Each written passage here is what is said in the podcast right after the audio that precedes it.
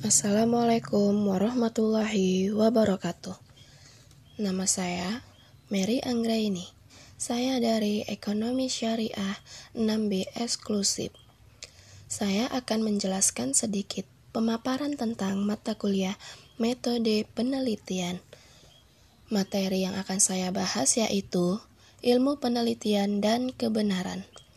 Nah, langsung saja saya jelaskan apa itu kebenaran. Mengenai arti kebenaran, kebenaran ialah ungkapan pengetahuan yang benar, berarti soal hubungan antara pengetahuan dan apa yang menjadi objek, yaitu apabila terdapat penyesuaian hubungan antara objek dan pengetahuan kita tentang objek itu.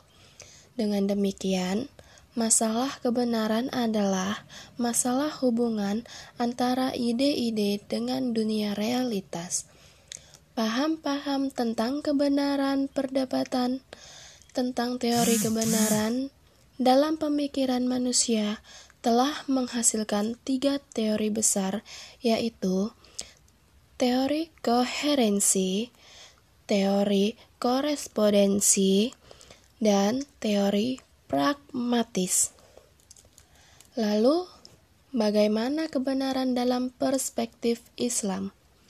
Dalam perspektif Islam, kebenaran absolut hanya dimiliki oleh Allah Subhanahu wa Ta'ala.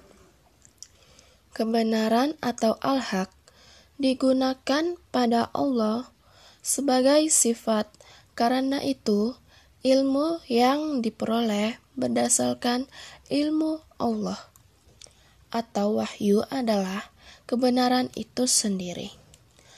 Baiklah, sekian yang dapat saya jelaskan mengenai topik kebenaran tersebut. Lebih dan kurangnya saya mohon maaf.